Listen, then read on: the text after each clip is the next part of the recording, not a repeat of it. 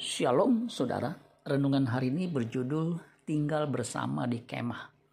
Ibrani 11 ayat 9. Karena iman, ia diam di tanah yang dijanjikan itu seolah-olah di suatu tanah asing dan di situ ia tinggal di kemah dengan Ishak dan Yakub yang turut menjadi ahli waris janji yang satu itu.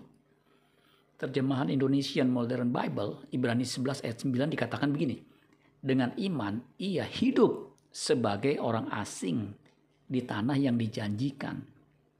Di sana ia tinggal di dalam kemah bersama Ishak dan Yakub yang turut menjadi ahli waris dari janji yang sama.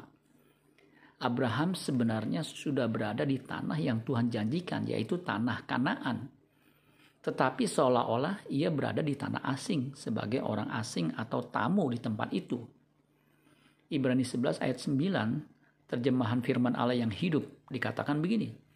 Bahkan ketika ia sampai di negeri yang dijanjikan Allah, ia hanya tinggal di dalam kemah seperti seorang tamu. Demikian pula Ishak dan Yakub yang mewarisi janji yang sama dari Allah. Ia bersama dengan anak dan cucunya tinggal di kemah, bukan di rumah. Bagi Abraham, bumi ini bukan tempat tinggal yang permanen, tapi tempat sementara saja. Baginya, tempat tinggal yang sesungguhnya adalah di kerajaan Allah. Ibrani 11 ayat 10, sebab ia menanti-nantikan kota yang mempunyai dasar yang direncanakan dan dibangun oleh Allah.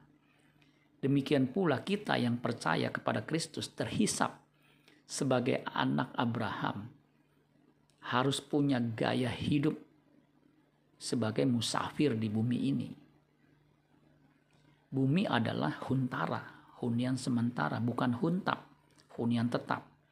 Itulah sebabnya kita jangan terlalu betah tinggal di bumi, karena tempat tinggal yang sesungguhnya adalah di langit baru, bumi yang baru. Ibrani 11 ayat 16. Tetapi sekarang mereka merindukan tanah air yang lebih baik, yaitu satu tanah air sorgawi Sebab itu Allah tidak malu disebut Allah mereka, karena ia telah mempersiapkan sebuah kota bagi mereka. Jika kita tidak merindukan pulang ke rumah Bapa di sorga, jangan-jangan kita bukanlah anak Allah yang sejati. Amin buat firman Tuhan. Tuhan Yesus memberkati.